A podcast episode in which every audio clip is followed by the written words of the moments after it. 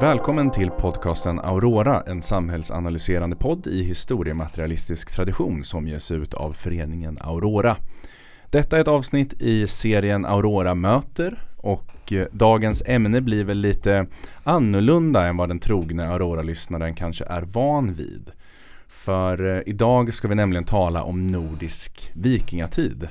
Jag som pratar heter Viktor Johansson och mitt emot mig sitter Anders William Berg. Men vi ska framförallt träffa en forskare som har skrivit om det här ämnet. Anders, gick inte du för övrigt en kurs i vikingatidens samhällsliv en gång i tiden? I did indeed. Scandinavian Viking and Medieval History tror jag den heter var på mm. engelska.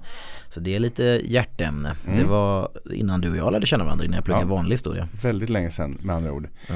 Men eh, Berätta, vem är det vi ska träffa idag? Ja, jag har intervjuat en forskare eh, som heter Mats Olsson. Eh, sitter i Lund eh, och forskar och eh, eh, han har skrivit en artikel som har eh, fascinerat mig och andra i föreningen ganska länge. Den är väldigt, väldigt bra. Den heter Vikingatida träldom om slaveriets plats i Skandinaviens ekonomiska historia. Och den är liksom ett ska man säga, typexempel på god historiematerialism skulle jag vilja säga. Där han förklarar slavsystemet i Norden, eh, dess uppgång och dess fall och dess interna logik. Och jag upplever väl att hans perspektiv ger väldigt, väldigt mycket förklaringsvärde till eh, den här perioden i nordisk och då kanske särskilt svensk historia. Och å ena sidan avmystifierar sådana här nationalromantiska bilder om eh, hur det stod till i Norden då och så. Men också å andra sidan sätter det här i ett teoretiskt sammanhang där det blir övergripande begripligt och inte som så mycket historia är idag. Eh, jag vet inte, små specifika nedslag där man bara beskriver eh, ja, vissa omständigheter snarare än att försöka förklara den liksom överhängande historiska logiken mm. i ett samhälles uppgång och interna logik och fall. Och eh, efter intervjun så återkommer du och jag här i studion för några ytterligare kommentarer och diskussioner där vi kanske kan bena ut lite just det här med det historiematerialistiska och hur det används och vad ni pratar om och sådär. Så eh, ja. häng kvar kära lyssnare även efter intervjun. Men eh, då säger vi helt enkelt välkommen till Aurora möter Mats Olsson.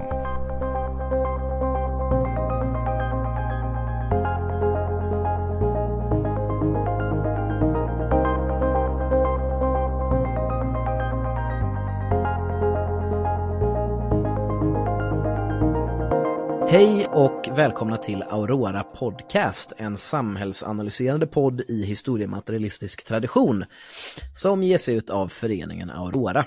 Dagens avsnitt är en intervju med ekonomhistorikern Mats Olsson om hans artikel Vikingatida träldom om slaveriets plats i Skandinaviens ekonomiska historia.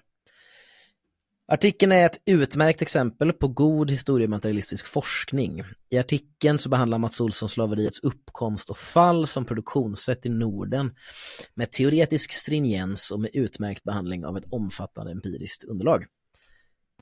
Eh, för lite av den här sortens forskning anser vi föreningen kommit till ytan i de lite mer offentliga samtalen i Sverige. Detta trots att det inom svensk forskning finns många goda exempel av den här sorten eh, som Mats Olsson ger uttryck för. Eh, och detta är varför Aurora har som avsikt att få till lite fler av den här sortens intervjuer med forskare inom historiematerialistisk tradition. Och om du som lyssnare har tips på god historiematerialistisk forskning eh, som du inte tror hade kunnat som du tror hade kunnat vara av intresse för föreningen, hör gärna av dig.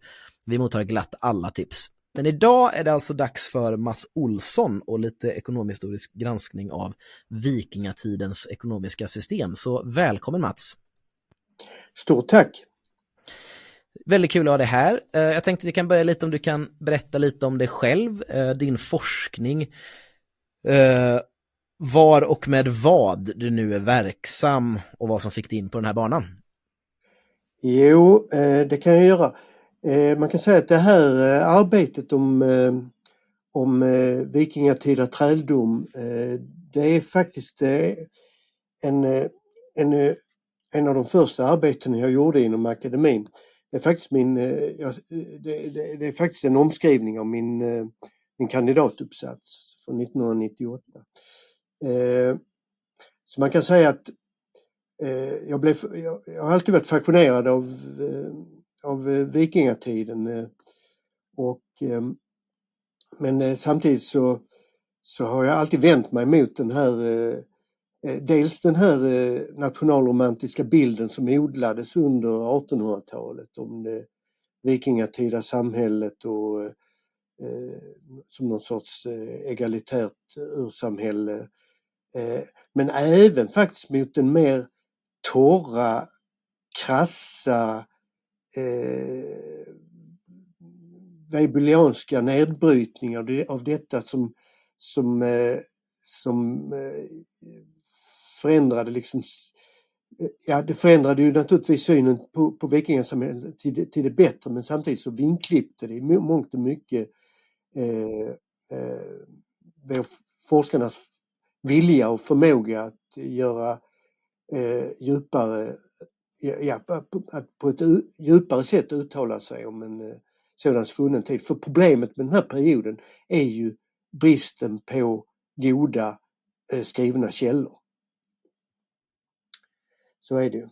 Men sen dess eh, eh, har jag kanske inte fortsatt så jättemycket eh, med just den här typen av forskning utan jag gled ganska snabbt in på att eh, istället eh, eh, sysselsätta mig med Eh, eh, senare tiders ekonomisk historisk utveckling på landsbygden framförallt och godssystemet i, eh, i Sverige och dess utveckling under 15, 16 och 1700-talet.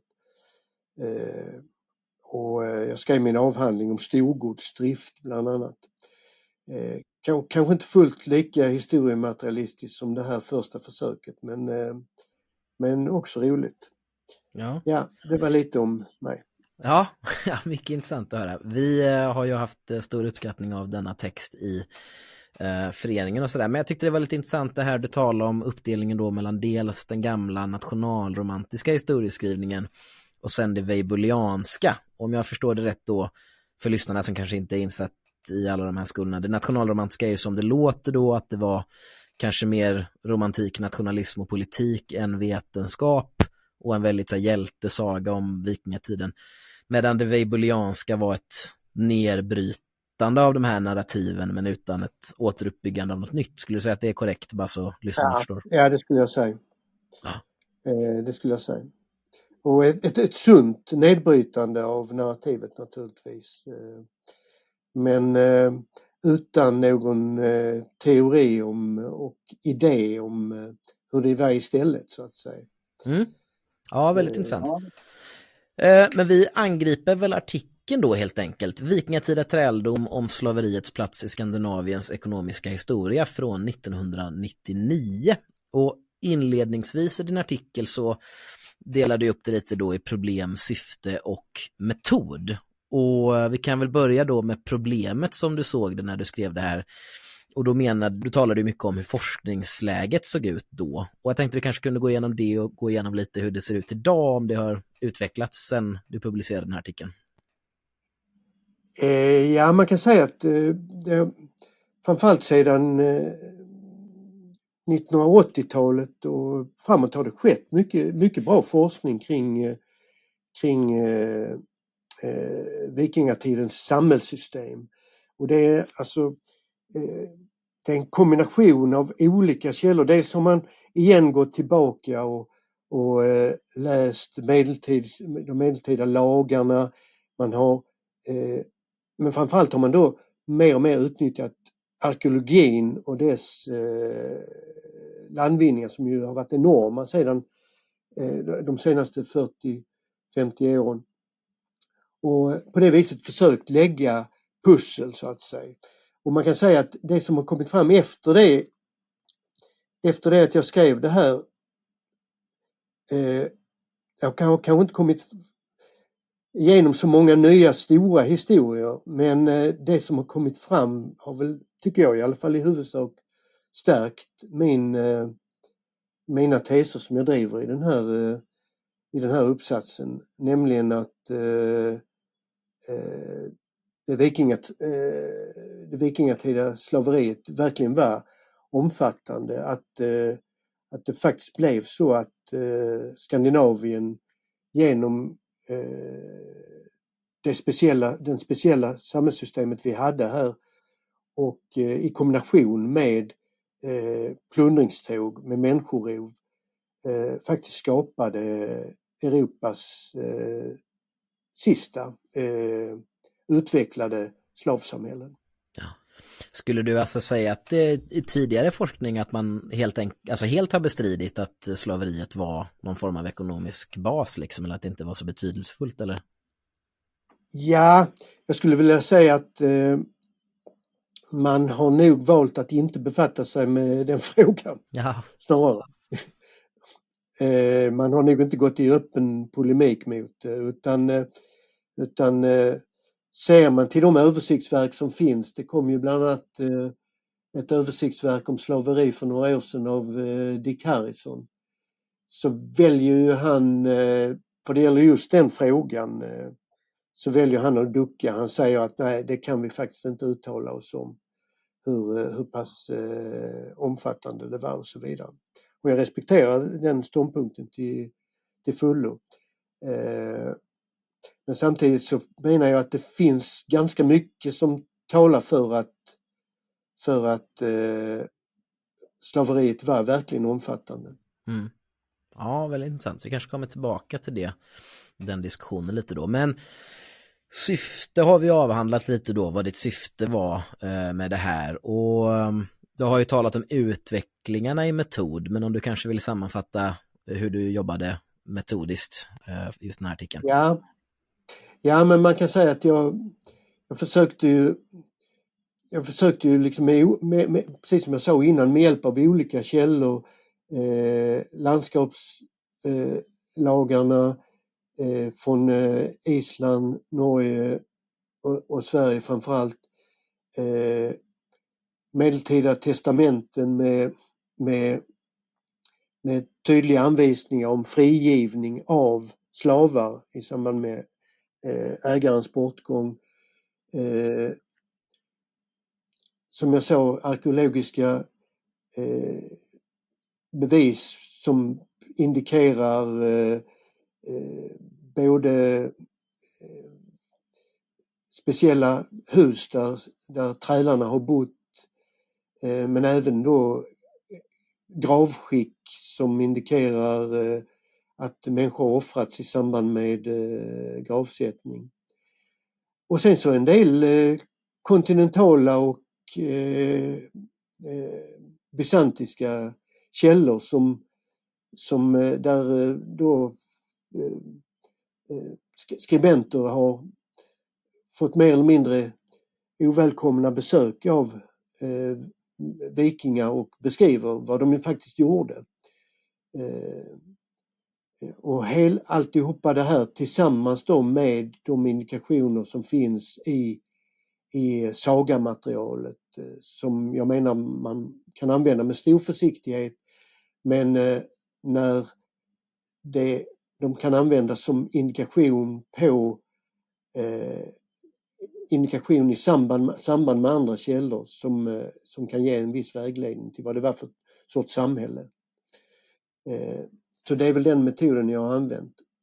Sen har jag då eh, ja, min intention från början var väl inte att skriva en, en direkt historiematerialistisk eh, uppsats men, men ju mer jag jobbade med det desto mer föll sakerna på plats så att säga. Det visade ju sig att, att eh, jag var ju tvungen att titta på annan litteratur om slaveri och när den uppstod. Och, och jag blev väldigt fascinerad av en, eh, av en etnolog som heter Herman Niebuhr som eh, hade gjort etnologiska studier av olika stamsamhällen eh, under slutet av 1800-talet. Och, och kom fram till ett väldigt tydligt mönster att ju, ju, ju mer avancerat samhället var i förhållande till, till utvecklingen från eh, jägar-samlare till enkla, enkelt jordbruk till mer avancerat jordbruk, desto vanligare var det att de här stammarna faktiskt hade eh, eh slavar. Eh, och det, det fick mig att tänka, inte i stadieteori, men kanske mer i ett, eller i ett deterministiskt eh, historiematerialistiskt perspektiv men att eh, det faktiskt var så som det oftast gick till så att säga. Inte att alla folk måste gå igenom de och de stadierna men att eh, det faktiskt var så det oftast hände. Mm. Väldigt intressant för det, ja dels kan vi säga då om din metod då att eh, det helt enkelt använder nordiska skrivna källor kombinerat med kontinentala och sedan jämför detta med arkeologiska fynd. Men det här du kom in på på slutet för oss in på en liten fråga som jag hade tänkt ställa för att man kanske lite förenklat eh, kan uttrycka att det finns i mycket marxistiskt orienterad eh, ekonomihistoria att det finns ett spektrum av ingångar till de här sakerna där man å ena sidan kan eh, lägga väldigt mycket tonvikt vid klasskampens betydelse för övergången mellan olika ekonomiska system medan det andra fokuserar på vad ska man säga, opersonliga teknologiska utvecklingar mer deterministiskt som du var inne på. Eh, du och lyssnarna kanske är bekanta med Brenner-debatten där man har diskuterat den här övergången från, eh, då har det varit ett feodalt system till eh, till ett kapitalistiskt. Men hur ser du på den här uppdelningen, om man kan göra det så enkelt, den här binära uppdelningen mellan determinism och kanske politisk klasskampsperspektiv på historien och ja, även om man kan jämföra det med ett maltusianskt demografiskt perspektiv och Wallersteins fokus på handelns betydelse och så vidare. Ja, eh, jag fruktade att du skulle ställa den frågan. För jag, jag blev, jag kan säga att jag, jag blev inte klar med den. Eh, den eh, eh, utan som du kanske märker om du läser uppsatsen så, så eh, tvekar jag lite grann i det här. Eh, och utan att adressera den direkt i heller. Det, det är väl ett, en, en indikation så god som någon på att man tvekar. Eh, men Nej men jag vänder ju mig liksom skarpt mot att, eh, att eh, det finns en eh, teknologiskt deterministisk förutbestämd Eh, ingrediens som säger att alla måste genomgå vissa stadier och så vidare. Eh, däremot så, så, så är det liksom svårt att teckna Alltså utifrån vad jag ser i materialet så är det ju svårt att teckna en bild av eh, slavsamhällets uppkomst i Skandinavien och dess, nedgång, eller dess nedgång i Skandinavien i, i, i termer av klasskamp mellan slavägare och, och, och slavar eller något sånt.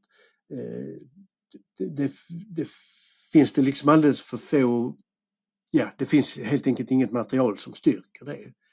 Eh, däremot så menar jag ju att, eh, att eh, framförallt när, eh, när eh, eh, slaveriet så småningom avvecklas eh, som sista land eh, officiellt i, i, i Sverige då på, på 1300-talet så är det för att eh, den ekonomiska eliten har tillägnat sig nya och mer effektiva sätt att, eh, att eh, tillskansa sig mervärde.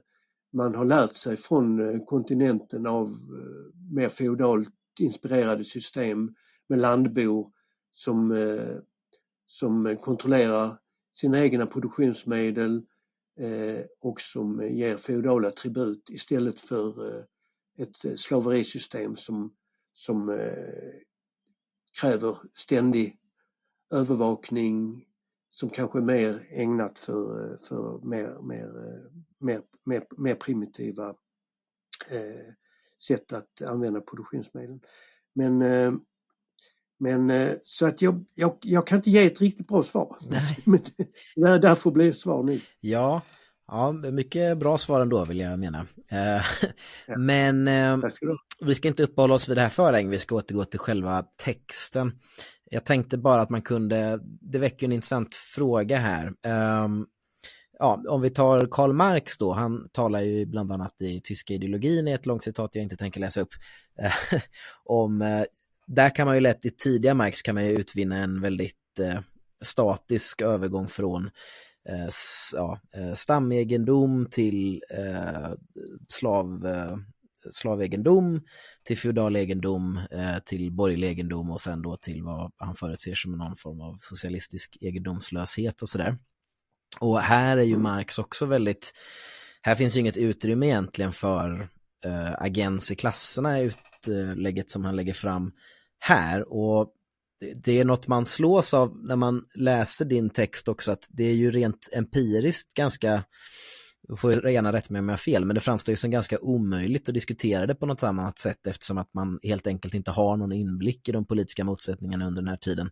Men vad man rent ja, arkeologiskt inte minst kan se är ju den här objektiva utvecklingen. Men samtidigt så är det ju lite intressant det du säger på slutet det här med att det är, en, det är ett system som kanske ehm, importeras lite utifrån, att man vågar dra till med en term som en revolution uppifrån av en feodal klass som kommer utifrån och byter ut det här gamla systemet.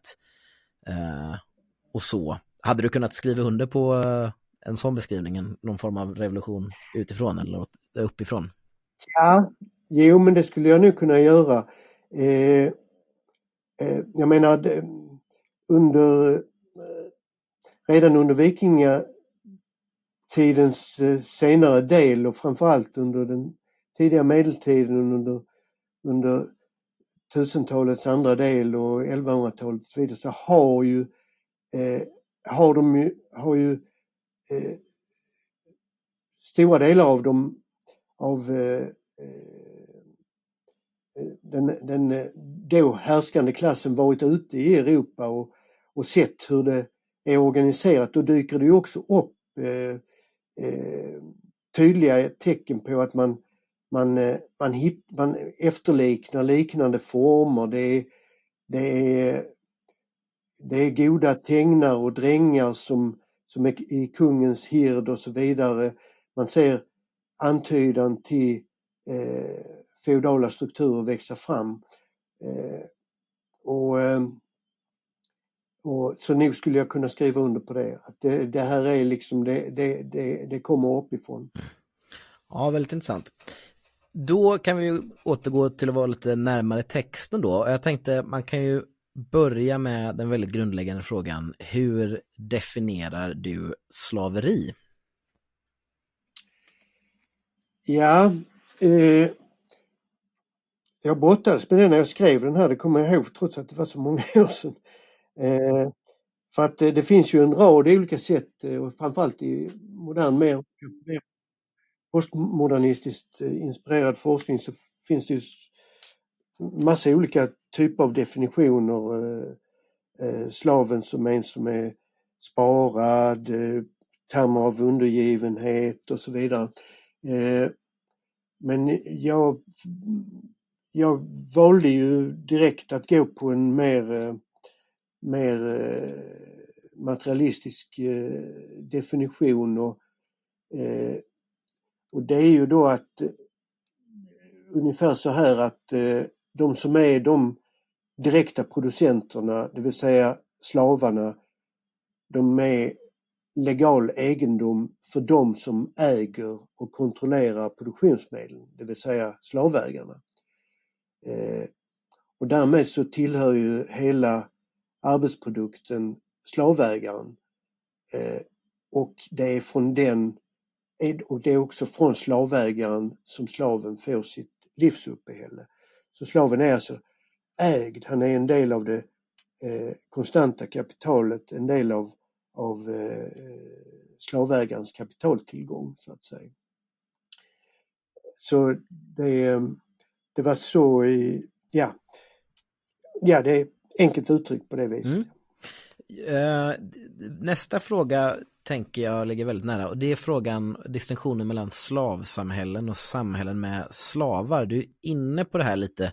Själv har jag ju en väldigt kort karriär inom ekonomisk historia. Jag har läst A och B-kursen men vid en fördjupning så talar man väldigt mycket om det här som jag tyckte var väldigt intressant då, där man talar om slavsamhällen som samhällen där ja, majoriteten av det ekonomiska överskottet produceras av slavarbetskraft samtidigt som det finns samhällen med slavar där slavar kanske utför tjänstearbete mer och sådär och är kanske mer en lyxvara och så vidare. Många intressanta exempel på det, bland annat eh, talar man om Osmanska riket som ett samhälle med ofantligt mycket slavar, men i jordbruket hade man fria bönder huvudsakligen, så därför skulle det då i diskussionerna som jag minns det då inte vara ett slav, slavsamhälle, även om det är ett samhälle med väldigt mycket slavar.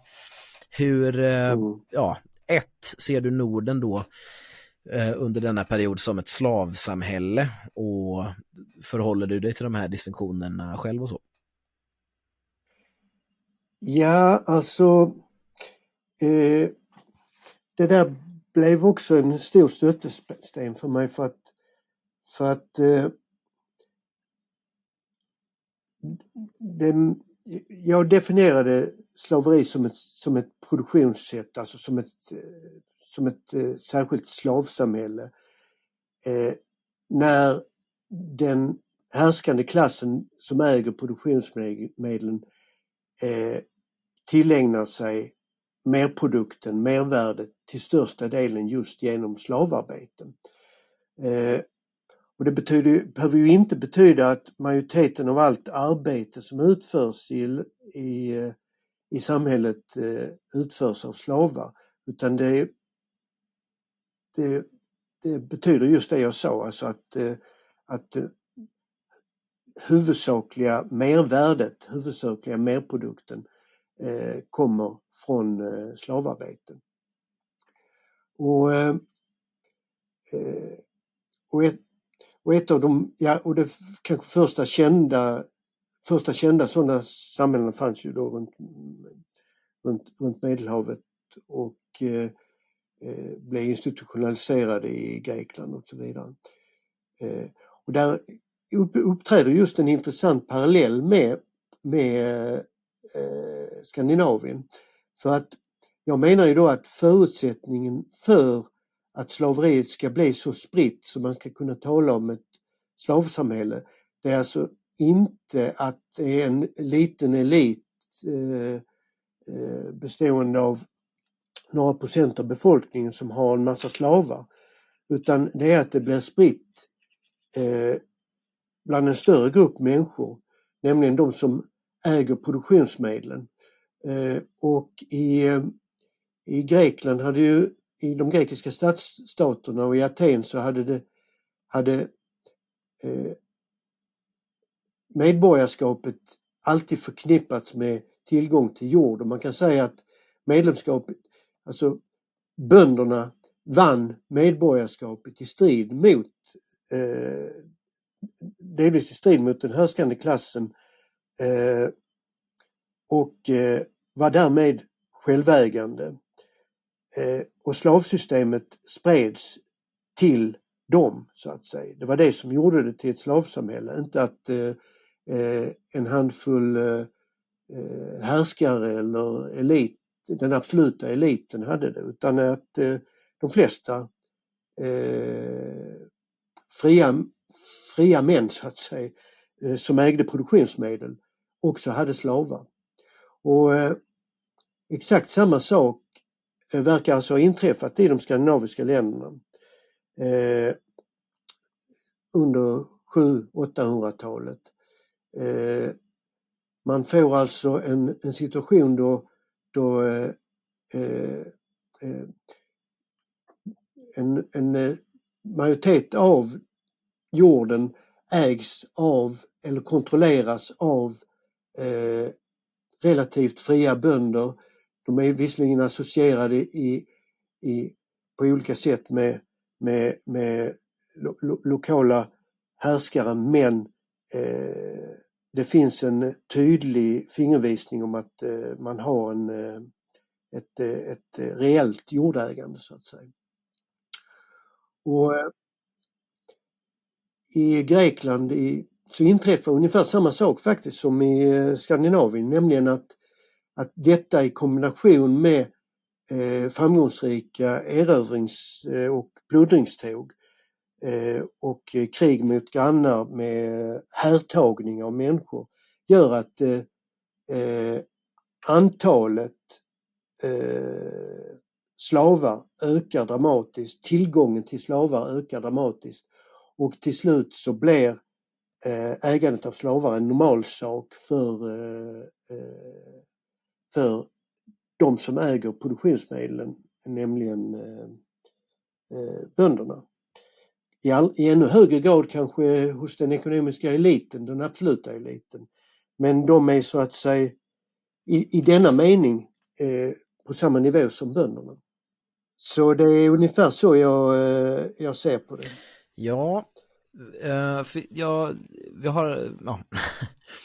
jag funderade lite på det här nämligen slaveriets uppgång och fall i ett internationellt perspektiv, vilket vi ju nu kom in på då, men eh, och det här kan vara jag som har missförstått det, men var det inte så i romarriket till exempel att just eh, slavägandet över tid blir mer och mer centraliserat kring den här lilla eliten och att fristående bönder blir just ja, att de själv, eh, dels att det skedde i ökande grad att man sålde sig själv till slaveri, alltså skuld, om man var skuldsatt och så vidare och att det blev svårare för mindre bönder att ha slavar. Var, fanns det liksom en sån koncentrerande process, eller man ska säga, i Norden med? Eller menar du att det var så här ganska brett utspritt bland en bre ett brett lager fria bönder under hela slaveriets period i, i Norden?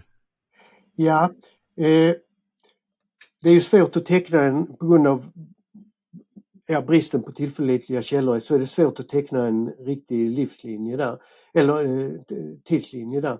Men, eh, men precis som du säger, det stämmer ju att eh, eh under Roms utveckling så, så, så sker ju en sån koncentration av slavarna till och det blir mer latifundiedrift och, eh, och de fria bönderna trängs liksom i så mening undan som, eh, som eh, som, eh, som slavägare och, och, och, faktiskt fysiskt också efterhand. Eh, men i, i, här i Norden, vi kan ju se liksom vissa, vissa tecken i, i, i, i tiden. Eh, vi har det finns då en beskrivning av, av den, eh, av den tidigmedeltida utvecklingen som, som, som sker eh, egentligen bort ifrån domändrift, bort från storgodsdrift, de tendenser till storgodsdrift som hade funnits eh, eh, kanske under 1000-1100-talet till eh, landbodrift. Och jag ser det mer som en övergång från, från ett, eh, ett, ett, eh, ett samhälle med, med, med med självägande bönder och slavdrift till ett samhälle med eh, där visserligen det finns stora inslag av självägande bönder kvar men det i sin tur ersätts av andra, andra system för, för arbetskraftsallokering som så småningom mynnar ut i, i dräng och piga systemet där man byter barn med varandra och torparsystem å ena sidan. Å andra sidan Eh, eh, landbor helt enkelt som istället för att, eh, för att ursprungligen då istället för att betala med dagsverken på stora godsenheter betalar feodal ränta i form av pengar eller naturalier till godsägaren. Den, den utvecklingen är ju i historieskrivningen ganska väl belagd under under medeltiden. Den får sen en, en, en rekyl igen under uh, tidig modern tid men det behöver vi inte gå in på här. Mm, intressant. Um, jag tänkte lite kort uh, innan vi går vidare, termen träl som man då använder i Norden. Varför talar man om trälar i nordisk kontext uh, och inte slavar? Du har ett lite intressant resonemang om det i din text. Ja, eh, för det första är ju, det måste man ju säga att eh, det, det är ju ett, eh, ett eh, tidigt, tidigt nordiskt ord för det så att säga. Ordet slav är, är, ju, ett, är ju en senare konstruktion. Så på så vis är ju, är ju träld i, i ett, i ett, ett historiskt perspektiv kanske det korrekta uttrycket om man nu ska, ska, ska använda samtidens terminologi. Men, eh, men eh, till sitt innehåll är det ju samma sak som slavery på, på, eh, på engelska. Eh, och eh, det har väl varit lite grann tabu inom framförallt eh, den tidiga historieskrivningen där man, där man liksom pratade om nästan om trälar som något e-, alldeles eget fenomen som inte alls eh, Alltså, behövde betyda samma sak som, som eh, slaveri. Eh, men jag tror att det har, det har blivit bättre sen jag skrev min, eh, min, min lilla uppsats. Det märks nu att modernare, i modernare historieskrivning så tvekar man inte att använda det och i den nyss i, det, det översiktsverk om slaveri som jag, som jag nyss refererade om som Dick Harrison skrev så tvekar han ju inte att använda ordet slaveri om, om de nordiska länderna. Ja, eh, själva begreppet slav, det har jag förstått det, är ju lite intressant. Det uppstår väl ur eh, samma ord för folkgruppen slaver väl i och med ja. det omfattande förslavandet av dem? Ja, och det, ja det är ju så.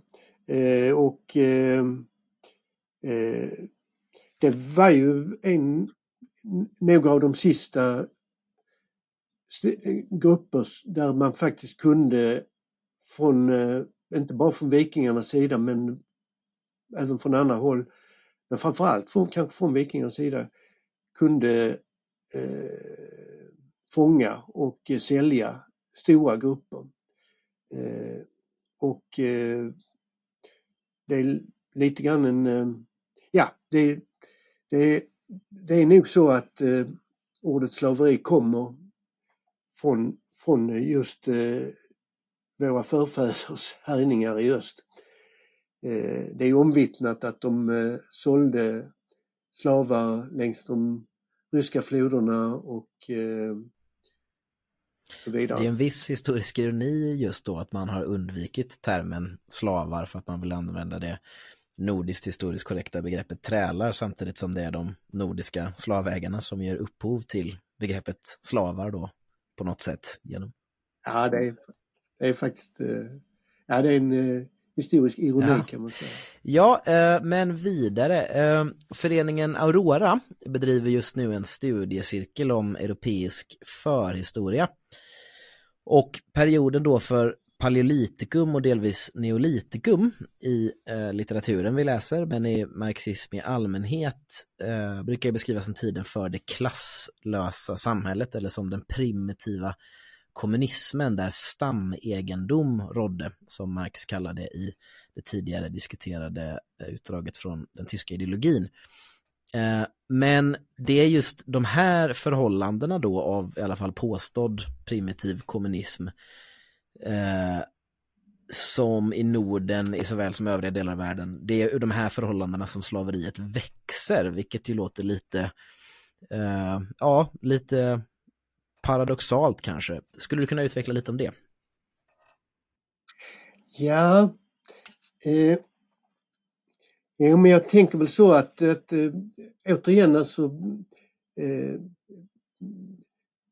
det, det, det, den litteratur jag lärde mig allra mest av vad det gäller just detta var den här eh, etnologen eh, Herman Niebuhr som eh, alltså verkade i slutet av 1800-talet och, och tidigt 1900-tal. Och eh, det är oerhört intressant att se att det finns alltså även i de, han, han, han ger då, han har då haft möjlighet att, att göra studier på, på en, en rad stammar som var, då fortfarande var relativt opåverkade av, eh, av eh, eh, imperialismen och eh, den, eh, den så kallade västerländska Eh, på, eh, påverkan. Och eh, han finner ju att det finns slaveri i, i alla typer av samhällen. Från de, även i de mer, mer eh, enkla eh, jägar och samlarsamhällen. Men, i, men där är de väldigt fokuserade till, till framförallt till den eh, eh, amerikanska och kanadensiska västkusten med stora eh, fiskarsamhällen eh, med, som var väldigt bofasta och där man hade god tillgång till, till, eh, till föda och kunde så att säga systematiskt eh, utnyttja andra människors eh, arbete för att producera en merprodukt. Och det är väl där eh, som, eh, som, eh, som, eh, som Marx och Engels eh, definierar att eh, det, möjligheten för att exploatera en annan människas arbetskraft är när man stadigvarande kan förmå den människan att producera eh, en eh, produkt som är mer än vad som krävs för hennes eget eh, uppehälle. Och, eh, och det handlar ju naturligtvis inte bara om, om, eh, om eh, ren produktionsutfall. Det handlar också om möjligheten att organisera ett sådant kontinuerligt eh, överförande av merprodukt från en, en, en, en, en människa som producerar till någon annan som, som tillgodogör sig eh, eh, frukterna av arbetet, alltså merprodukten av arbetet.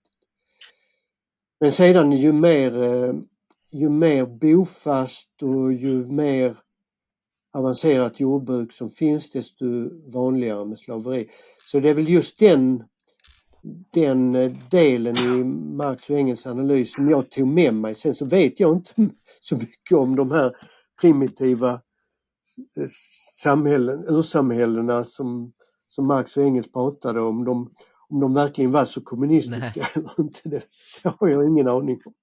Men, eh, men just, den, just den aspekten att att eh, klassamhälle med, med tillägnande av merprodukt från en annan människa blir möjligt när eh, man kan förmå en, en, en annan människa att på ett stadigvarande sätt eh, producera en merprodukt. Den är, den är ju den är, ja, den är inte, den är egentligen ganska logisk men den är, den är samtidigt eh, avslöjande på något vis. För att sammanfatta då skulle man kunna säga att man kanske ska förstå det mer som att eh, ett klassamhälle, kanske särskilt ett slavsamhälle är dyrt, det kostar, det behöver upprätthållas på något sätt och man behöver ja, kunna stadigt producera en, eh, en merprodukt för att ja, ha råd för att kontrollera andra människor och det är logiskt då i och med den här övergången till jordbruk då. Ja, Ja precis. För var, det, han hittade väldigt, Nibor, han hittade väldigt få eh, slavsamhällen bland reguljära jakt och, eh, och samlarsamhällen. Eh, och det är klart att det, är väldigt svårt att kontrollera människor när man, när man, eh, när man flyttar på sig hela tiden, lever i små grupper på, på kanske 8, 10 eller ännu färre personer. Eh, men, medan däremot de här, jag blev fascinerad också av det som jag berättade, de här eh, fiskarsamhällena på Amerikas västkust där man, som var stora samhällen där man kunde kontrollera människor. Och sen så över då till jordbrukande samhällen och, och där finns ju liksom, då, då, då skapar man ju liksom den typen av strukturer som krävs för övervakning. Och det behöver inte vara det är ju embryon till statsapparater men de kan vara väldigt lokala så att säga. Ja, för det är ju intressant det där då. Primitiv kommunism brukar ju beskrivas som alltså en klasslöshet och en egendomsgemenskap baserad på nödvändighet, alltså fattigdomens kommunism i bemärkelsen att man, ja, om allt du äger är jaktredskap och du är en liten stam av jägare och samlare så behöver du av nödvändighet dela på det här och dela på eh, ja, produkten av det du jagar och samlar in men även här då att klasslösheten skulle kunna vara baserad i att det, man har helt enkelt inte råd med ett klassamhälle då. Men när man väl hamnar i, när de här stammarna hamnar i krig och har en mer stadigt inflöde av jordbruksprodukter så, ja, då möter, vad ska mm. man säga, möjlighet möter nödvändighet. Ja, precis. Ja, ja, ja men det är ju så.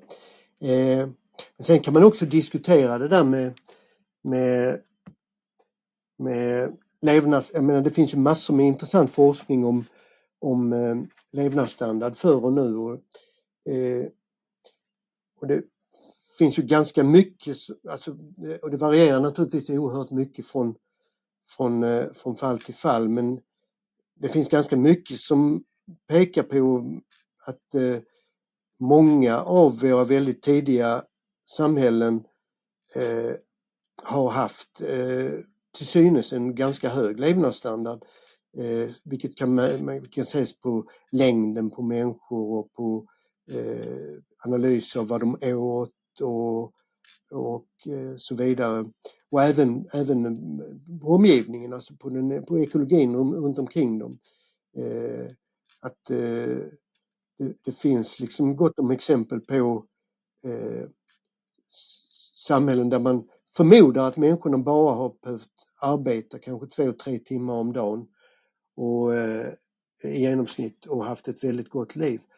Eh, efter förhållandena eh, naturligtvis. Jag menar, man kan ju inte jämföra det, det rakt av men eh, så jag, jag, så jag är inte säker på det här med nödvändigheten, att det alltid måste vara vara, vara, vara det som håller det tillbaka. Det kan också vara andra saker menar jag.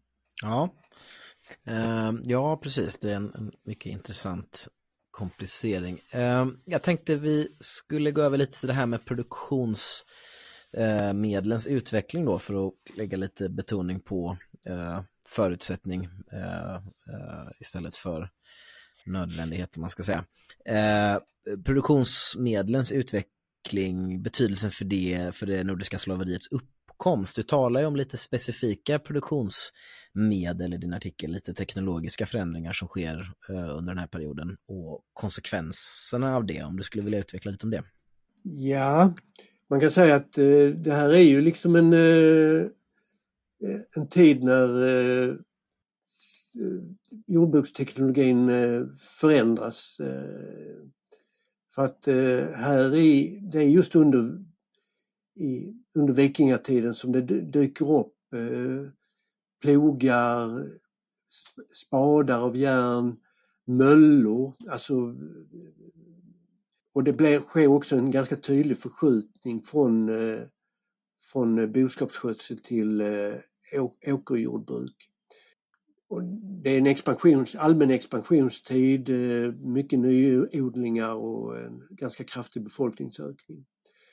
Eh, så man kan då se att eh, vi, vi har en en tidig teknologisk revolution inom jordbruket under, under, under vikingatiden eh, under, och fram till tidig medeltid. Man kan säga där, då dyker också den här tunga eh, karockan, järnplogen, eh, järn, järnsmidd plog upp eh, eh, för första gången med, med med mång, som kräver många dragar och så vidare och där man, där man kan börja odla upp lite tyngre jordar också. Tidigare var man kanske mer hänvisad till, till lättare eh, jordar och så vidare.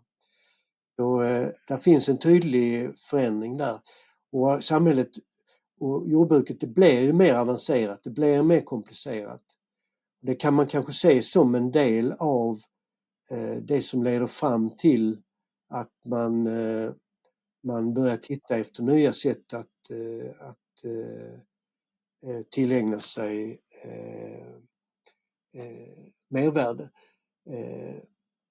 För att Eh, det är ju så att, eh, att, eh, att, hålla, att hålla slavar det kräver ju mycket övervakning. Men om man däremot i, ger varje producent en egen en, ett eget litet jordbruk att eh, utveckla så eh, skapas andra incitament för individen och eh, man eh, skapar därmed, en, därmed, därmed en eh, kanske en, en för, för tiden mer effektiv eh, eh, organisation för, för detta. Ja, jag minns att jag lade väldigt mycket på minnet när jag första gången läste den här artikeln. Jag var så fascinerad över just den järnskonade spadens betydelse men även möllan och just att det att den järnskonade spaden, man jag förstår det rätt, alltså att man kunde gräva diken på ett annat sätt och dränera, eh, ja, dränera marker mer för att helt enkelt få eh, mera jord. Att det är verkligen en väldigt konkret märkelse, människans utvecklade kontroll, dominans över naturen. Men hur det också då leder ja. människan till att behöva dominera sig själv mer så att säga via slavar, att det är det enda sättet att få folk att faktiskt göra ett sånt här, eftersom att jordbruket kräver längre arbetstimmar, hårdare arbete och sådär. Uh... Ja men precis, ja men det är så. Eh... Nej och det skulle ju det skulle ju landa i, din, eh, i ditt förslag där om en mer deterministisk eh, eh, utveckling. Men eh, som, som vi inledde hela den här, eh, det här snacket med. Men, eh, eh, och det är mycket möjligt att eh, det är så man får se det. Va? Ja, mycket intressant i alla fall. Men eh, jag tänkte vi kan gå vidare till, du talade om hur man upprätthåller då eh, det här ägandet av eh, jord och av slavar och hur begreppet ättesamhälle spelar en betydelsefull roll då eh, för att upprätta ja, inte minst för att upprätthålla de här slavägarfamiljerna och så. Om du bara vill utveckla lite om begreppet ättesamhälle, vad det innebär och så. Ja, eh, jo det är ju ett väldigt komplicerat, alltså problematiskt begrepp på många sätt för att eh, för där, där måste vi ändå återgå till den här nationalromantiska historieskrivningen under, under 1800-talet eh, för att eh, förstå det problematiska med det så att säga.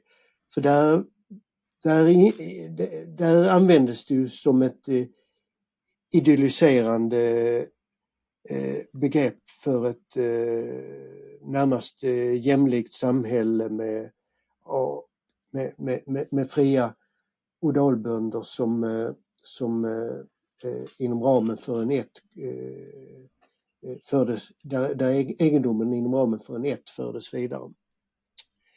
Eh, och den har ju naturligtvis eh, malts sönder av senare forskning med rätta. Eh, men inte desto mindre så, så återkommer hela tiden i eh, källorna begreppet. Eh, så vi måste förhålla oss till det faktum att samtiden, alltså den den, den, den senvikingatida och tidigmedeltida eh, samtiden faktiskt tillmätte det en betydelse och gav det en, en, en, en, en verklig betydelse. Och då man kan tolka liksom in olika saker i det. Eh, men, och det är väl inte fullständigt utrett vad det, vad det, vad det rör sig om. Men, men eh, att beteckningen 1 i detta sammanhanget kan ses som en allmän, eh, ett allmänt erkännande att man tillhör den ägande klassen, den breda ägande klassen. Eh, som, eh, och det är så jag använder det så att säga. Eh, och det finns flera liksom, begrepp som eh, från samtiden som, som pekar i den riktningen. Bland annat att till exempel vid frigivning av, av eh, slavar så för att kunna bli accepterad som en fullgod Eh, medborgare och eh, så var man tvungen att bli så kallad ettledd. Eh, man var tvungen att eh, få ett, ett, ett erkännande på något sätt från en familj. Och ehm, så att jag, jag, jag, med en viss tvekan så bestämde jag mig för att ändå eh, använda mig av det här, eh, det här uttrycket. För det är ett intressant begrepp. Eh, många andra marxister har talat om det då i eh, eh, Medelhavets slavsamhällen, just det här med eh, hur eh, fria bönder baserade på en stamgemenskap eller bredare familjeättegemenskap agerar, lever i någon form av väldigt egalitär bondegemenskap men som mer och mer bara råkar underkasta sig slavar. Och alltså hur de här, eh, ja alltså den eh, juridiska sättet att hantera det här juridiskt är att man är fri. Om man tillhör den här ätten, då kan man ha eh, någon form, delta i något nästan protodemokratiskt eh, system och så vidare och så, men din Eh, status som fri man mer och mer börjar identifieras med din status som eh, slavägare sådär, liksom att det är ett äldre egalitärt stamsamhälle som liksom lägger sig över en bas av slavar så. Är det en korrekt bild? Ja, men eh, jag skulle vilja säga att eh, det här med alltså hur, hur egalitärt det här samhället är, det, det är väl en annan sak. Det finns inte så mycket som talar för att man har haft en, en, en, eh, en verkligt att det har varit ett e-, egalitärt samhälle i, i form av att man har haft något sådär eh, lika fördelade tillgångar. Utan eh, utan det tycker jag är att, att föra det för långt. Men däremot eh, formellt fria och med, eh, med röst på tinget så att mm. säga. Om du förstår min... Så ehm, ja visst, men eh, i övrigt tycker jag att du gör eh, en intressant och riktig beskrivning av det. Detta är ett reklammeddelande. Om ni gillar vad ni hör, var god följ föreningen Aurora på Facebook och Twitter. Om ni verkligen gillar vad ni hör, donera gärna en gåva till vår Patreon eller via Swish på numret 0763 45 03.24. Alltså 0763 45 03.24. Tack, slut på reklammeddelande. Jag tänkte vi kunde gå vidare till vart slavarna kom ifrån. Eh, avel eller rov har jag skrivit här. Du resonerar lite om det här betydelsen för vikingaräderna. Lindisfarne 793 alltid nämnt, typiskt sådan, där man rövar bland annat slavar som jag förstått det. Och i vilken utsträckning avlar man och i vilken utsträckning rövar man och hur betydelsefull var de här vikingaräderna för att upprätthålla slavsystemet? Ja, precis. Nej, det, det, det är ju helt... Det är ju alldeles säkert att eh, den, eh, det, det som skapar den här eh, starka uppgången i slaveri som kanske till och med skapar ett slavsamhälle, vilket är en tes som jag driver i den här uppsatsen. Det är ju eh, att man, eh, man eh, härtar folk så att säga i, i stor omfattning i, i såväl österled som västerled sen så finns det alltid inslag av det andra också. Av eh, människor som ger upp sin frihet och fri vilja. Eh, och, eh, eh, och så finns det då alltså reproduktion av slavar inom systemet. Men jag blev ganska klart, snart klar över, genom att läsa internationell slavlitteratur, att, att det här med att reproducera slavar inom systemet är, är i, i praktiken är väldigt svårt. Eh, och historien känner faktiskt bara ett exempel där man har gjort så, där man har lyckats med det under en, en längre tid och det är i den amerikanska sö södern under, under eh, 1800-talet fram till slaveriets eh, avskaffande. Eh, Eh, alltså inte i Karibien, inte i Brasilien. Där, där var det hela tiden en, eh, en, eh, en, en negativ reproduktion. Alltså, trots att man, att man försökte på vissa ställen få dem att reproducera sig så, så lyckades man inte.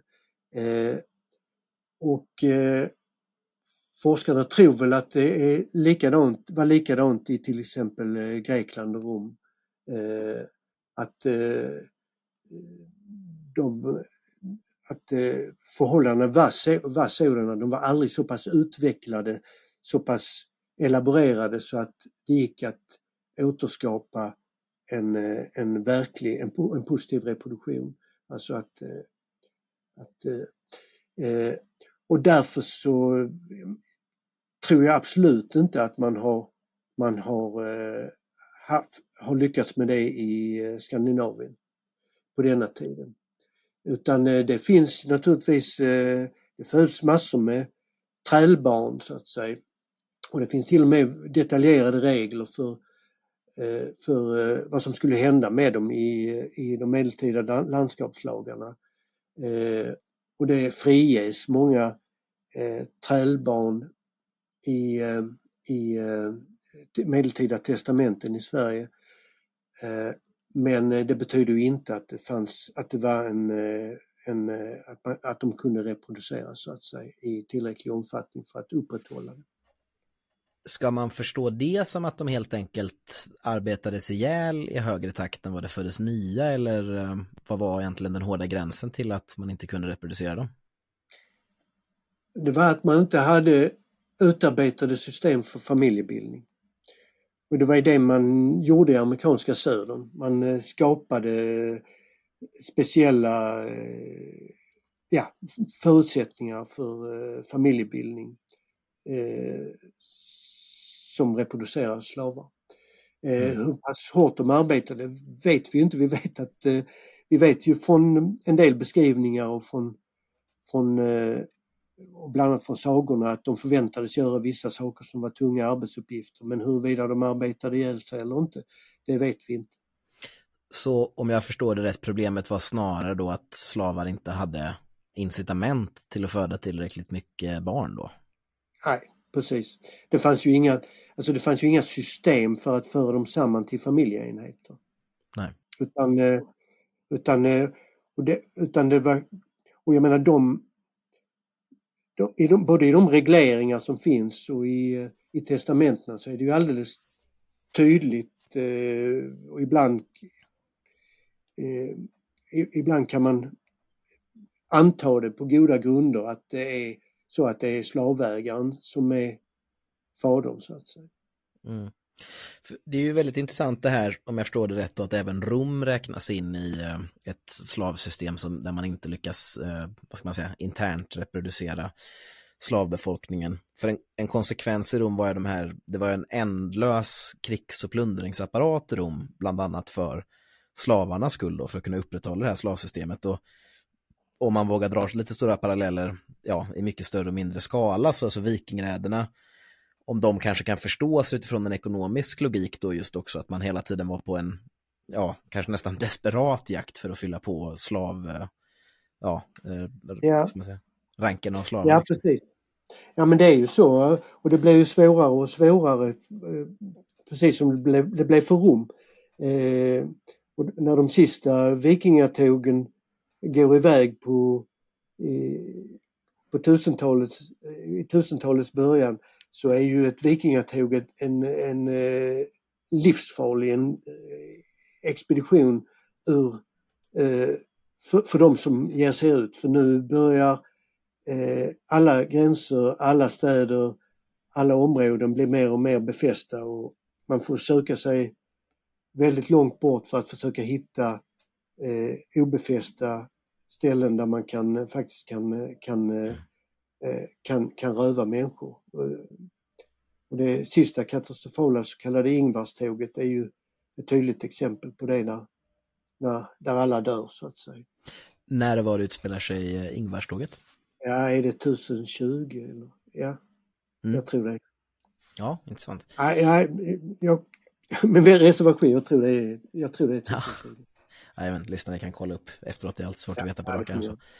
Uh, nej, men just för det här, det nordiska slaveriets eller träldomens nedgång och fall då, om jag förstår... Uh... Vänta lite, vänta lite, 1040. Ja. 1040. 1040 av Ingvarstorget. Ja. Utmärkt, viktigt. Ja. Vad bra.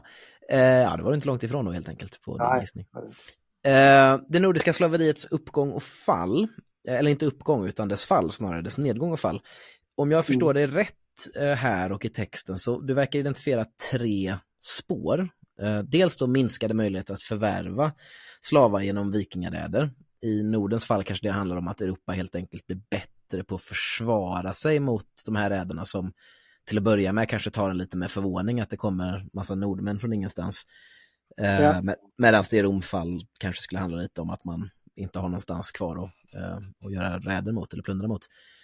Och sen då eh, det andra spåret är utveckling av nya redskap eh, och tekniker eh, för att kunna eh, ja, expandera jord, alltså en större yta jord att bruka och då kombinerat med tredje spåren demografisk tillväxt då, behovet av att skicka ut folk eh, längre ut i större jordarealer och då lämpar sig inte slaveri.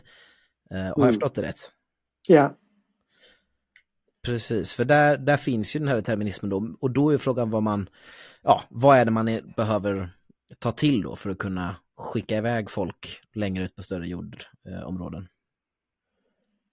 Ja, men det är ju det, det, är ju att eh, det är ju helt enkelt ett, ett, ett landbosystem. Eh, ett, ett system där, eh, där eh, eh den direkte producenten, nämligen bonden, eh, förfogar över sina produktionsmedel eh, själv, eh, har incitament att, att att producera för sig själv och sin familj och sedan genom kontroll över, över jorden och ibland över den enskilde eh, landbon i form av livegenskap som vi då inte fick i Sverige på det viset eh, eh avkräva dem mer, produkt. Eh, Marx och Engels de, de betonade ju hela tiden den eh, att eh, under det här feodala systemet så var, så var utomekonomiskt tvång nödvändigt för att avkräva den direkta producenten eh, merprodukten. Eh, och utomekonomiskt tvång i detta sammanhanget eh, kan ju då vara livegenskap, du är, för, du är förbjuden att flytta härifrån, du ska stanna här och bruka jorden. Eh, men det kan också vara eh, normala feodala arrende, arrenden. Eh, vilket naturligtvis blir svårare att upprätthålla i en situation när, eh, när eh, det är gott om jord och ont om arrendatorer så att säga, landbo. Men eh, vi ser ju då genom ehm, eh, Sveriges historia att vi aldrig fick någon livegenskap utan eh, det det, det utomekonomiska tvång som låg inbäddat i det feodala systemet i sig själv räckte så att säga. Man behövde inte eh, tillämpa direkt livegenskap. Nej, precis, för här, här talar vi då om övergången från ett eh, slaverisamhälle till ett feodalt samhälle som har att göra med då de här tidigare nämnda spåren, eh, minskade möjligheter att förvärva slavar inom vikingaräder, utveckling av redskap och tekniker för att bruka ett större landareal och en växande befolkning då som skapa det här behovet av att bruka den här nya jorden. Och mm. du nämnde ju det här då med uh, när livegenskap kan uppstå och i den tidigare nämnda Brenner-debatten så har man ju talat en del om senmedeltidens kris där pesten slår, eh, slår in och Eh, väldigt, väldigt många bönder dör vilket skapar väldigt, väldigt mycket ledig jord vilket gör att bönderna kan rösta med fötterna, ha mer att välja på och så vidare. Och det här gör det svårare för en adel att kontrollera dem eh, mer direkt då, vilket leder till klassstrider som i öst leder till en ja, stärkt livegendom och i väst till en försvagad. Men Sverige sticker ju ut här lite då att man har ett fritt bondesystem.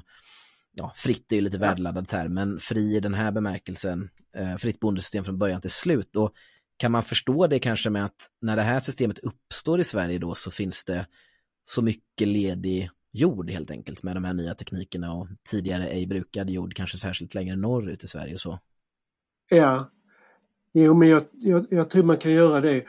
Eh, och eh, jag tror också att, eh, att eh, i det svenska fallet så, så har vi hela tiden en eh, det, det, finns visserligen försök från, man kan säga senmedeltida och eh, statuterna och så finns visserligen försök att skapa mer, en, mer, eh, en, eh, en bondeklass som är mer bunden till torvan, eh, försök att eh, införa något som liknar det, det, det, det danska vårdnadsskapet eh, som införs på 1490-talet. Men, eh, men det, det, det, det, det lyckas aldrig. Man har aldrig, man har aldrig den typen av fullständig kontroll eh, över bondeklassen. Eh, de är, de är, det är för stor del som fortfarande är, betraktar sig som oberoende, som eh, på olika sätt har engagerats i strider mellan stormän på, olika sidor. Eh, och, ehm, och framförallt är det väl kanske det också då att vi, vi, eh, vi fortfarande har en, en, en frontier vad det gäller eh, jordbruket. Det finns eh, ledig mark hela tiden. Vilket, vilket man bör betona att det, det kan också, det, det, roliga med den här debatten det är att just det fenomenet kan också beskriva, kan också användas som förklaring till varför det införs livegenskap.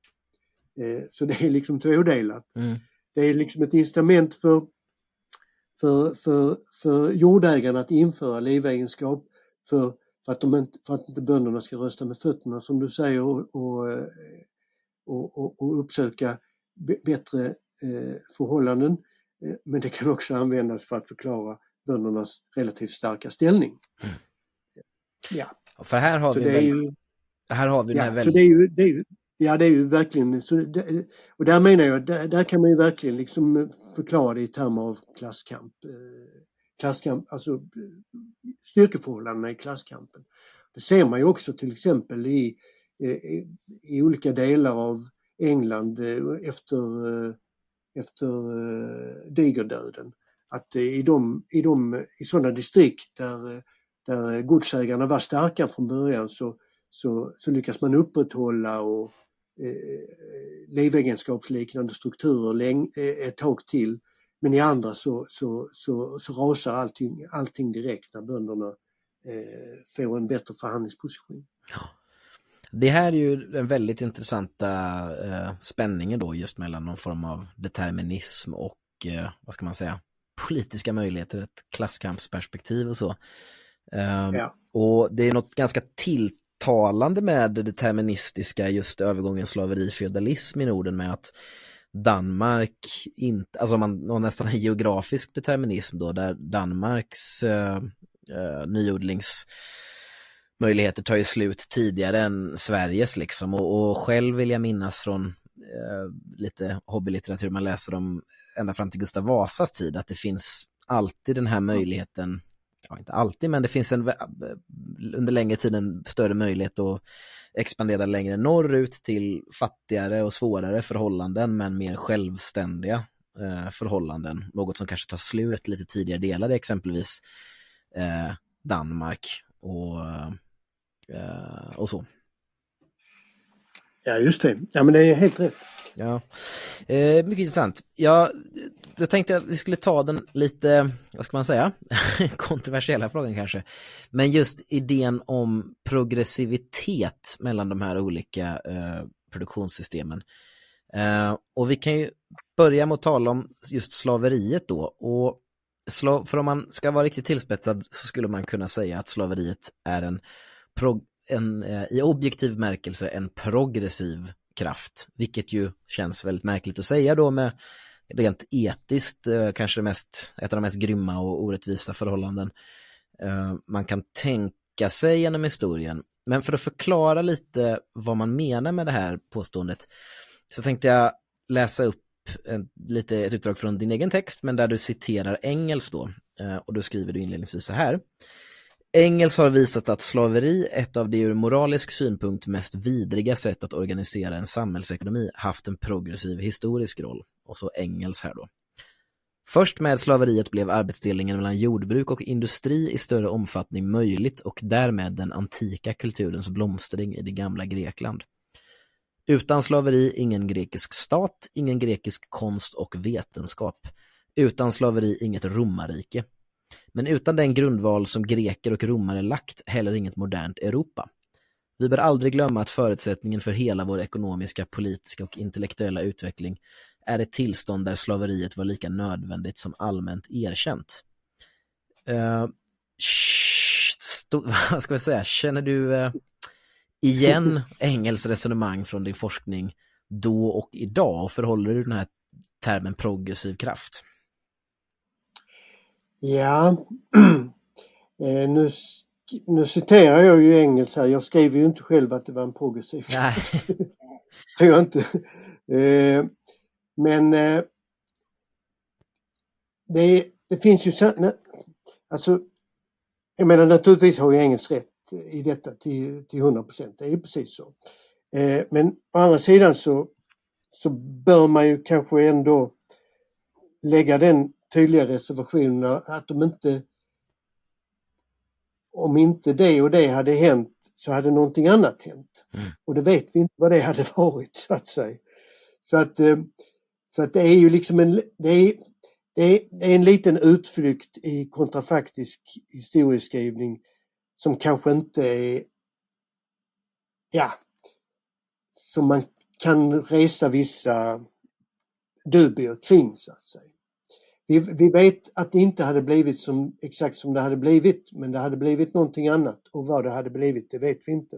Nej, Nej det är ju dels intressant som en ren vetenskaplig frågeställning. Sen är det ju de politiska inverkningarna av det här eh, har ju varit Dels för eh, i den eh, kommunistiska traditionen då så har det ju varit en eh, debatt om eh, vissa samhällen måste genomgå vissa stadier. Det har varit kontroverser om hur man i Moskva förhöll sig till Kina, att man ville att kommunisterna där skulle alliera sig med borgerliga nationalister så man kunde gå igenom ett kapitalistiskt stadie för att sedan kunna övergå till, man tänkte väldigt så här stadiemässigt, men även stadieteori utanför ramen av marxism eh, finns mm. ju också, det finns ju i vad man kanske kan kolla, det här får ju du rätta mig om jag har fel, det kan ju du mer om såklart, men inom borgerlig eller icke-marxistisk ekonomisk historia, man kan tala om så take-off-samhällen där man menar att man måste genomgå väldigt brutala eh, omställningar. Eh, man kan mm. rättfärdiga ganska mycket ekonomisk grymhet för att man ah, förutsätter att det finns en liksom, ekonomisk progressiv kraft i det här. Och ja. så kan det ju mycket väl vara, men det är en ganska bister tanke att, det, att man måste acceptera ja, alla former av mänsklig grymhet för att kunna ta sig framåt, vad man nu menar med det. Nej, Nej och jag tror inte, jag, jag tror att, eh, att eh, som historiker så bör man ju ha en sund skeptis, skepsis till, till just den typen av deterministiska resonemang att man måste genomgå vissa, vissa stadier och så vidare. Jag, eh, eh,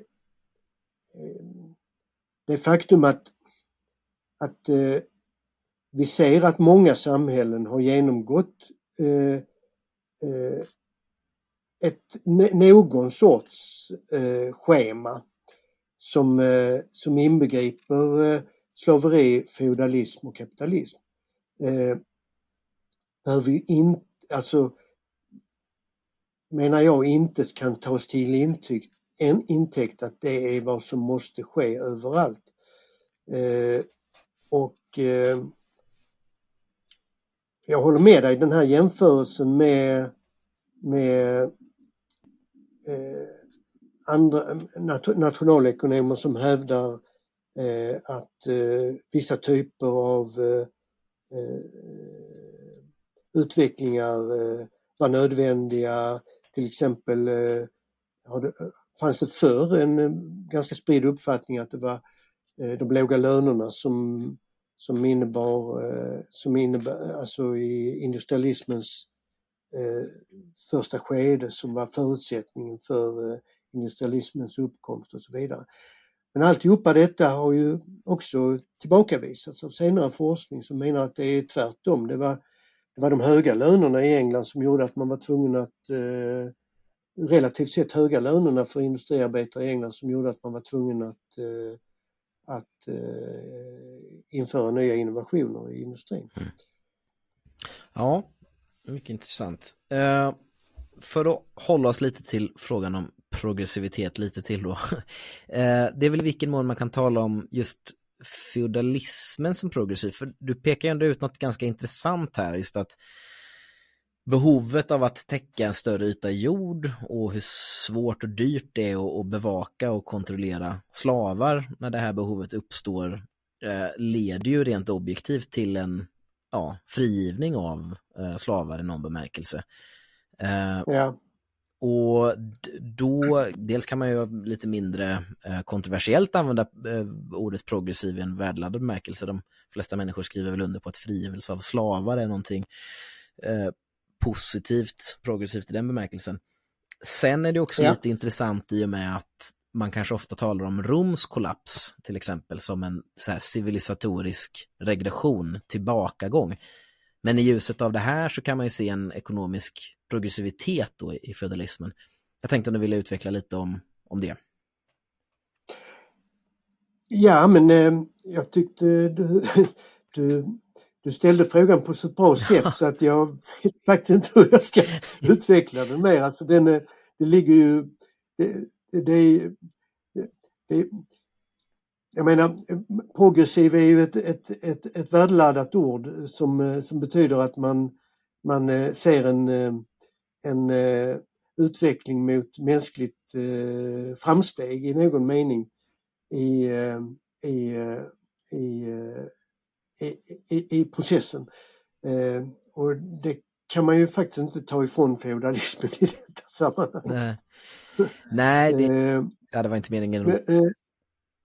Nej, men jag håller med dig. Du, du, du, du, utvecklade på, ett, på ett, ett bra sätt. Det är en intressant tanke hur som helst, hur romarriket, man talar mycket om det att alltså romarriket liksom placerar ut latifundier som ändå är ganska komplicerade över hela, eh, koncentrerade över hela sitt välde liksom, men att det kanske också hämmar incitamenten till att utveckla teknologi som eh, ja, dikar upp mer, eh, mer jord och så vidare och så vidare så att på någon slags levnadsstandardnivå kanske man under ja, tidig medeltid, the dark ages som man säger på engelska, hur det liksom, ja, hur man faller tillbaka på något sätt. Men det är ändå en progressiv tillämpning av teknologin då kanske. Ja, ja och dessutom så, så är det ju är det med ganska stor sannolikhet en, en, en ökning av det allmänna välståndet trots att man, eh, går, alltså, man går tillbaka i handel och, eh, och framförallt med, med, med, med det genererar ju överklassen eh, till en skugga av sitt forna jag.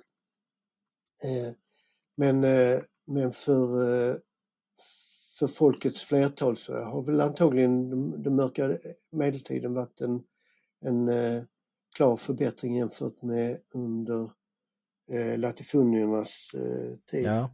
Det är lustigt det där, återkommande digerdöden, Roms kollaps, det, det är de stunderna som underklassen blomstrar om man ska säga. Ja, Ja, nej, jag, jag tänkte bara, um, vi närma oss slutet här, men jag tänkte fråga lite kort, för du um, berör i artikeln någonting som jag själv, innan jag läste den här artikeln, har reagerat på är väldigt underdiskuterat i svensk historieskrivning. Nämligen när någon form av eh, feodal makt börjar göra ett formellt inträde i Sverige och hur det ändå är ganska, vad jag alltid förstått som, alltså jag har läst en ganska, ja, inte särskilt marxistiskt orienterade Dick Harrison. Det var första gången jag kom i kontakt mm. med Birger Jarls krossande av de äkta folkungarna. Eh, som är ändå ganska konkret en centraliserad kungamakt som är beroende av eh, mer permanenta skatter och som inte är lika beroende av ett eh, ledungssystem som mobiliseras lite mer eh, spontant för att få krigskraft och sådär utan har stadiga inflöden till en krona som kan vara mer rustad och sådär. Vilket förutsätter eh, ja, vilket eh, förutsätter ett mer feodalt produktionssystem med ja, inte stordrift av eh, med slav, eh, slavarbetskraft och så vidare. Och hur det här är ganska ty alltså för mig har det alltid framstått som en ganska tydlig klasskonflikt mellan liksom en ny feodal klass som gör sig av med en försvagad slavägarklass och så. Upplever du det så med? Det var lite så jag läste in det när jag läste texten. Eh, ja, eh, jo, det, man, det kan man göra och jag, jag, tror att i botten är den, finns, finns den konflikten så att säga.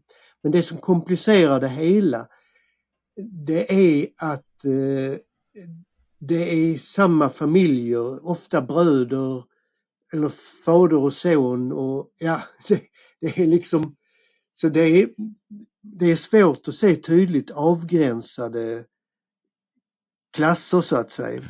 Eh, I många fall. Ibland, ibland kan man göra det men, eh, men eh, i, i de här striderna på 12 och 1300-talet så är det påfallande ofta att eh, konflikterna äger rum inom, eh, inom familjerna så att säga. Okay. Eh, även, om, även om det finns, alltså just det här elementet av eh, krossandet av de äkta folkungarna är ju så att säga, där, där finns det ju klara familjer, alltså, eh, men, men i de fortsatta striderna och uppgörelserna så är det påfallande ofta eh, eh, inom familjer och så vidare. Så skulle man kanske kunna förstå det mer som att det är mer eh, de här aktörerna i, i de här, vad ska man säga, konflikten mellan eliter, för att använda ett väldigt brett och, och kanske lite slappt ja. ord, så är det kanske liksom opportunistiska hopp sida till sida då? Ja, jo, kanske snarare så. Ja. I många fall. Men det var länge sedan jag läste om, om det här med Eh, om, om, eh, om 1200-talets uh, eh, uppgörelser. Så jag får väl läsa på igen. Det är spännande tid. va? Ja, väldigt så. Jag tänkte, har du någon uppfattning eller spekulation är alltid välkommet i lite lättsamma podcastsammanhang. Just hur ideologiskt medveten man var om vad som pågick. Alltså man förstod det, självklart förstod man det inte i marxistiska termer, men om man förstod det i termer av, om man hade någon form av förståelse om den här ekonomiska omvälvningen som pågick. Eh, men även om man kanske förstod det här medierat genom kristendomens införande, att man införde en ny, att den här, att det kanske fanns någon harmoni mellan uppfattningen av att det här är, den här nya ekonomiska ordningen är synonymt med en kristen ordning, inget sånt eller? Ja, precis. Ja, men jag diskuterar lite grann just vad det gäller slaveriets upphörande till slut i, i, i Norden och i Sverige om kristendomens roll och kan ju då konstatera att eh, inledningsvis så finns det liksom inte mycket ideologisk påverkan från kristendomen som, som pekar bort från slaveriet. Snarare tvärtom så, så eh, ser man att eh, biskopar och andra på, på eh, 1100-talet har, har egna slavar och eh, ja, flera stycken också så att säga. Så att, eh, men därmed däremot så, så är det nog så att framåt slutet av den här perioden på 12 1300-talet när man, när man ser i testamenten och så vidare att, att det här med att frige slavar faktiskt är en god kristen gärning. Mm. Eh, där kan, det, där kan kristendomen ha spelat en roll som ett ideologiskt vapen för de som ville bort till ett, fram, eh, ville hitta fram till nya, ett nytt samhällssystem som, eh, som eh, inte hade slavar så att säga. Så jag tror i så, i så fall så är det en utveckling under den här perioden. Från att vi, vi vet ju ingenting om den om om man var medveten om att man var på väg från ett system till en annan. Det tror jag inte det man var överhuvudtaget. Utan jag tror, att man, jag tror att man hade olika syn på det. Man förstod att den här tiden med att, eh, att leva på, att, eh, på räder, att röva gods och människor, att den eh, var på väg ut. Eh, några av de sista som organiserades var det ju var, var de här nordiska så kallade korstågen mot mot eh, eh finska och baltiska territorium och eh, till, mot eh, ön, ön Rügen. Eh, där, man, där det också verkar som man har tagit några av de sista slavarna eh, faktiskt un, under, under så kallade kristna korståg. Ja men eh, detta var också det, bland det sista. Eh, sedan, eh, sedan så eh, samhället i en fastare struktur. Man hittar nya sätt att, eh, att, eh, att eh, eh, organisera både ekonomin och, eh, och politiken. Så att säga. För det finns ju något intressant här med ideologins roll att kristendomen kanske, särskilt gamla testamentet, kanske inte emot eh, slaveri generellt, men, men det finns ju något spår i kristendomen hur åtminstone en kristens förslavande av en annan kristen skulle på ett, ska man säga, ideologiskt plan ses som ganska problematiskt, samtidigt som de tidiga kristna har många slavar. Eh, men det finns ja. en intressant parallell till om man tar till exempel eh, USAs grundare, hur den här liberala borgerliga ideologin om naturlig rätt och människors inneboende frihet växer fram ur hjärnorna på människor som är, ja, har ganska omfattande ägande av slavar. Så att det finns ja. ju något intressant här hur ideologin eh, liksom, ja, den, den, finns där för det här som kanske kommer att realiseras i det här systemet framöver, men den ja, det finns ett inbyggt hyckleri nästan. ja, det gör det ju. Verkligen. Eh, och det bygger ju på en, eh, en rationalisering av verkligheten där, där eh, det finns människor och sen så finns det människor som inte är riktiga människor. Ja. Eh, det är ju så. Mycket intressant. Och det vet vi väldigt lite om. Men det, de, de, eh, de inblickar som man kan få om hur, hur, hur våra förfäder här tänkte om det, de, de kan man faktiskt få eh, bäst genom att, eh, att läsa eh, sagolitteraturen. För där finns liksom eh, en, visserligen är de nedtecknade något senare under, under tidig medeltid men, men eh, det ges ändå någon sorts bild av hur man ser på människor med olika status att, det, det, att de är födda ur olika, i den här sagan om Rikstula så, så, så är det alldeles tydligt att det är nästan som tre, tre olika sorters människor. Det är, det är jarlarna, eliten i samhället, det är bönderna och, och sen så är det trälarna. Och de, är, de kommer från olika, olika håll, de är sprungna ur olika eh, skapelseberättelser så att säga. Eh, och de har eh, sina fasta funktioner i samhället.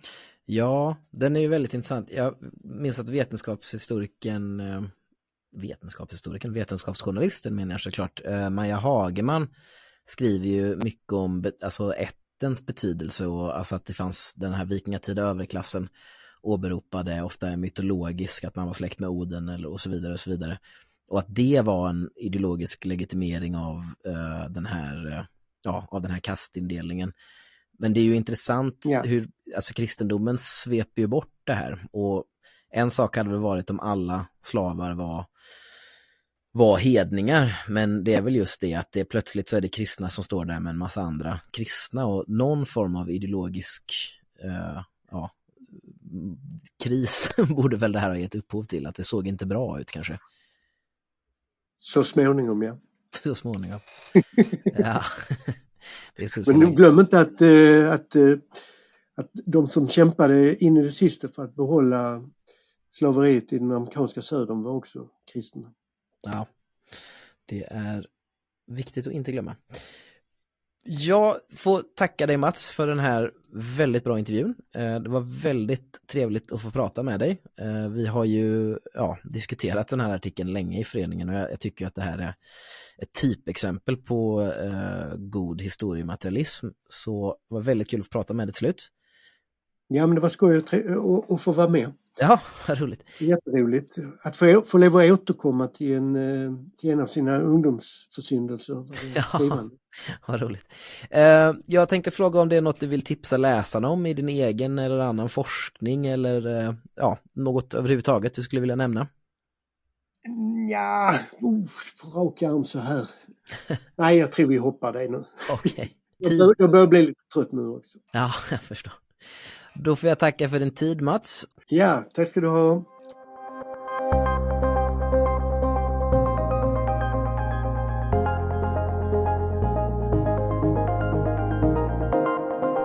Ja, välkomna tillbaka då till studion efter denna eh, långa och matiga intervju med Mats Olsson. Eh, och det är ett väldigt fascinerande ämne överlag detta och i sig. Men eh, som vi var inne på inledningsvis, det för Aurora kanske mest intressanta aspekten är ju kanske det här nyttjandet av det historiematerialistiska perspektivet för att förklara och förstå slaveriets upp och nedgång i Norden. Så jag tänkte att vi, vi kunde börja där. Mm. Och eh, Olsson talar ju om en tidigare nationalromantisk syn på den här tiden som liksom svepte in vikingarna, vikingatiden i en slags storhets och hjälteskrud och var väldigt så sagobetonad.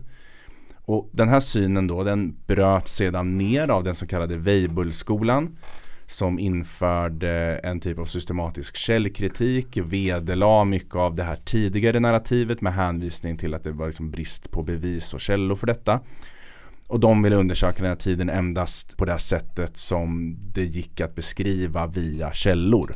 Mm. En sund nedbrytning så som Olsson beskriver det.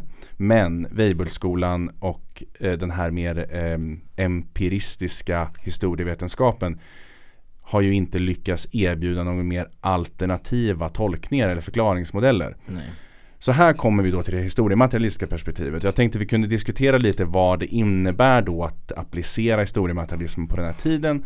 Vad kan det erbjuda som de här tidigare skolorna inte har kunnat? Ja, vilken ände man ska börja. Man kan, alltså, vad är typ en vetenskaplig teori egentligen? Det är en serie antaganden eh, om hur saker och ting hänger ihop och, och så som då kan prövas empiriskt och eh, stärka, sortera ut felaktigheter men som bygger en teoretisk helhet. Och problemet med Weibullianerna som på många sätt är vetenskapliga hjältar i Sverige i och med att de eh, införde, ja, de grundade typ svensk historievetenskap i princip Problemet med dem och empiricister som man kallar det är väl att det finns egentligen bara vetenskap som något rent negativt liksom. Som något rent så här, nedbrytande som bara en så här, källkontrollering och sådär. Och det kan finnas en direkt aversion mot att försöka ha teoretiska förklaringsmodeller för det ena eller andra. Och det här märker man inte bara i historievetenskap och weibullianism. Det här är liksom en vetenskaplig trend som har stärkts väldigt mycket under senare år. Eh, där det finns liksom en eh, mag en ryggmärgsreflex mm. man, mm. mot alla former av teoretiska förklaringsmodeller som något, ja, ett metanarrativ brukar man kalla det då, som har liksom en, som är rent ideologiskt eh, och så vidare och sådär. Men det, det, samtidigt det som Mats Olsson pekar på är att det finns vad som sker med slaveriet, dess uppkomst i Sverige, det är liksom inte godtycklig. Det finns liksom en inneboende ekonomisk motsättning från de här stamsamhällena som oundvikligen, eller åtminstone så här högst troligen, leder in det svenska samhället på en viss bana som sen är svår att bryta. Och det finns liksom något, liksom hela de här ättesamhällena, det sättet att organisera sig politiskt förutsätter, de här fria männen förutsätter ofria män. Och ja, alltså helt enkelt hur man liksom kan använda de här bredare teoretiska förklaringsmodellen om produktionsmedelsutveckling, om klasskamp eh, och så vidare för att ja, sätta det här i sin rätta kontext och inte, för att ofta kan problemet med många av de här empiristerna vara att de nästan lutar sig tillbaka på att vi kan bara titta på vad vi har källor för, vi kan bara beskriva vad det är som har hänt och deras förklaringsmodell kan ofta landa i så här total godtycklighet. Det kunde varit så, det kunde blivit så här, det kan vi inte säga, det är kontrafaktiskt och och säga någonting annat än att beskriva vad det är som har hänt. Men de tvingas ändå mm. ibland att liksom, ja, ibland tvingas man ändå ge förklaringar och då kan den förklaringen bli total godtycklig. Liksom. Det är väl också så att eh, som marxist skulle man väl ändå säga att den här typ rena, bara deskriptiva och eh, att göra avsaknad av teorier till eh, liksom en dygd. Det i sig är, blir en slags teori eller mm. en slags eh, historieskrivning som är det liksom det borgerliga historieskrivningen den, den, den, den är ideologisk ja. på, på det sättet att då blir förklaringar eh, eller beskrivningar så här för att den personen tyckte ditten och datten och liksom för att den här kungen gjorde och Mm. tänkte si och så liksom snarare Ja. än att gräva ner i de här under, underliggande För om en, materiella förklaringarna. om en teori är en serie empiriskt prövbara antaganden om hur ja, saker och ting hänger ihop och hur det kan förklaras och så. Då är det ju att, att ha avsaknad av empiri som en dygd då, avsaknad av teori som en dygd då, är ju inte att antagandena försvinner. Det är bara att de blir implicita istället för explicita. Mm. Och det är väl mycket det man kan, ja, hjältar som de må ha varit vid buljanerna så jag tycker man kan se det här i alltså väldigt mycket vetenskap. Hur man, eh, man påstår sig inte anta någonting och man påstår sig vara liksom en helt så här bedriva en helt så här negativ vetenskap, distanserad, men den är ofta mer ideologisk då. Eh, Mm. Och så. I och med det här då med teorier så kommer vi in på det här stora egentligen problemområdet som i min lyssning i alla fall genomsyrar hela intervjun och det handlar ju om determinism. Eh, Det oavsett om ni pratar om eh, slaveriets uppkomst eller avveckling eller om kristendomen eller det här med utveckling av teknologi och verktyg. Alltså här är ju i alla de lägena är ju Olsson lite tveksam kring det här med determinism. Han medger att man kan se slaveriet som determinerat av förändringar i, i produktionssätt och, och ny teknologi. Man säger också vid flera tillfällen att han vänder sig emot determinism. Men han säger samtidigt att det inte finns så mycket källorna som styrker att det skulle pågå en klass, eller att det var en liksom ren klasskamp som drev fram det här som kanske då är alternativet, alternativet till en eh, determinism som är lite mer eh, där människor har lite mer eh, agens eller vad man ska säga. Eh, så vi får inte något konkret svar här av Olsson. Varf, vad tror du denna tvekan beror på och varför är den här frågan om determinism och infekterad? Det kan finnas en så här ganska praktisk förklaring till det här. Ett så tror jag att Olsson är väl medveten om den här teoretiska debatten om liksom vad är, ja, vad är agens, vad är struktur och vad är liksom ja, vad är en så här produktionsmässig determinism och var spelar liksom klassernas agens någon roll och sådär. Men också har jobbat med ett material som Alltså det finns väldigt lite berättande källor från den här tiden. Det, det ligger lite i så här materialets natur att man får liksom ja, att man, man blir, man får titta på produktionsmedlets utveckling för det är det man kan se via liksom arkeologiska lämningar och så. Det man har kvar är berättande källor som är så här uh, Ynglingasagan, Hedvarar och Hedreks saga och allt vad de heter som är berättande källor från långt efter vikingatiden skriv, nedskrivet av kristna munkar som uppenbarligen är liksom politiska texter och de skildrar ju väldigt sällan alltså konflikter som faktiskt, det är någonting som vi vet har hänt är ju till exempel Birger Jarls krossande av eh, de äkta folkungarna. Och de äkta folkungarna är ju då de här eh, troligtvis slavägande då, fria männen i Svealand som vill ha ett ledungssystem istället för ett beskattningssystem. Alltså ledungen är att en hövding säger nu ska vi åka och plundra i Estland eh, uppbåda så här många man och svärd eller betala den avgiften. Och det sker liksom när kungen eller när ser en möjlighet till att liksom resa ledungen Mm. till skillnad från den moderna statsmakten då eller den moderna kungamakten som vill ha fasta skatter och ett så fast liksom uppbåd av typ resurser och riddare och så vidare.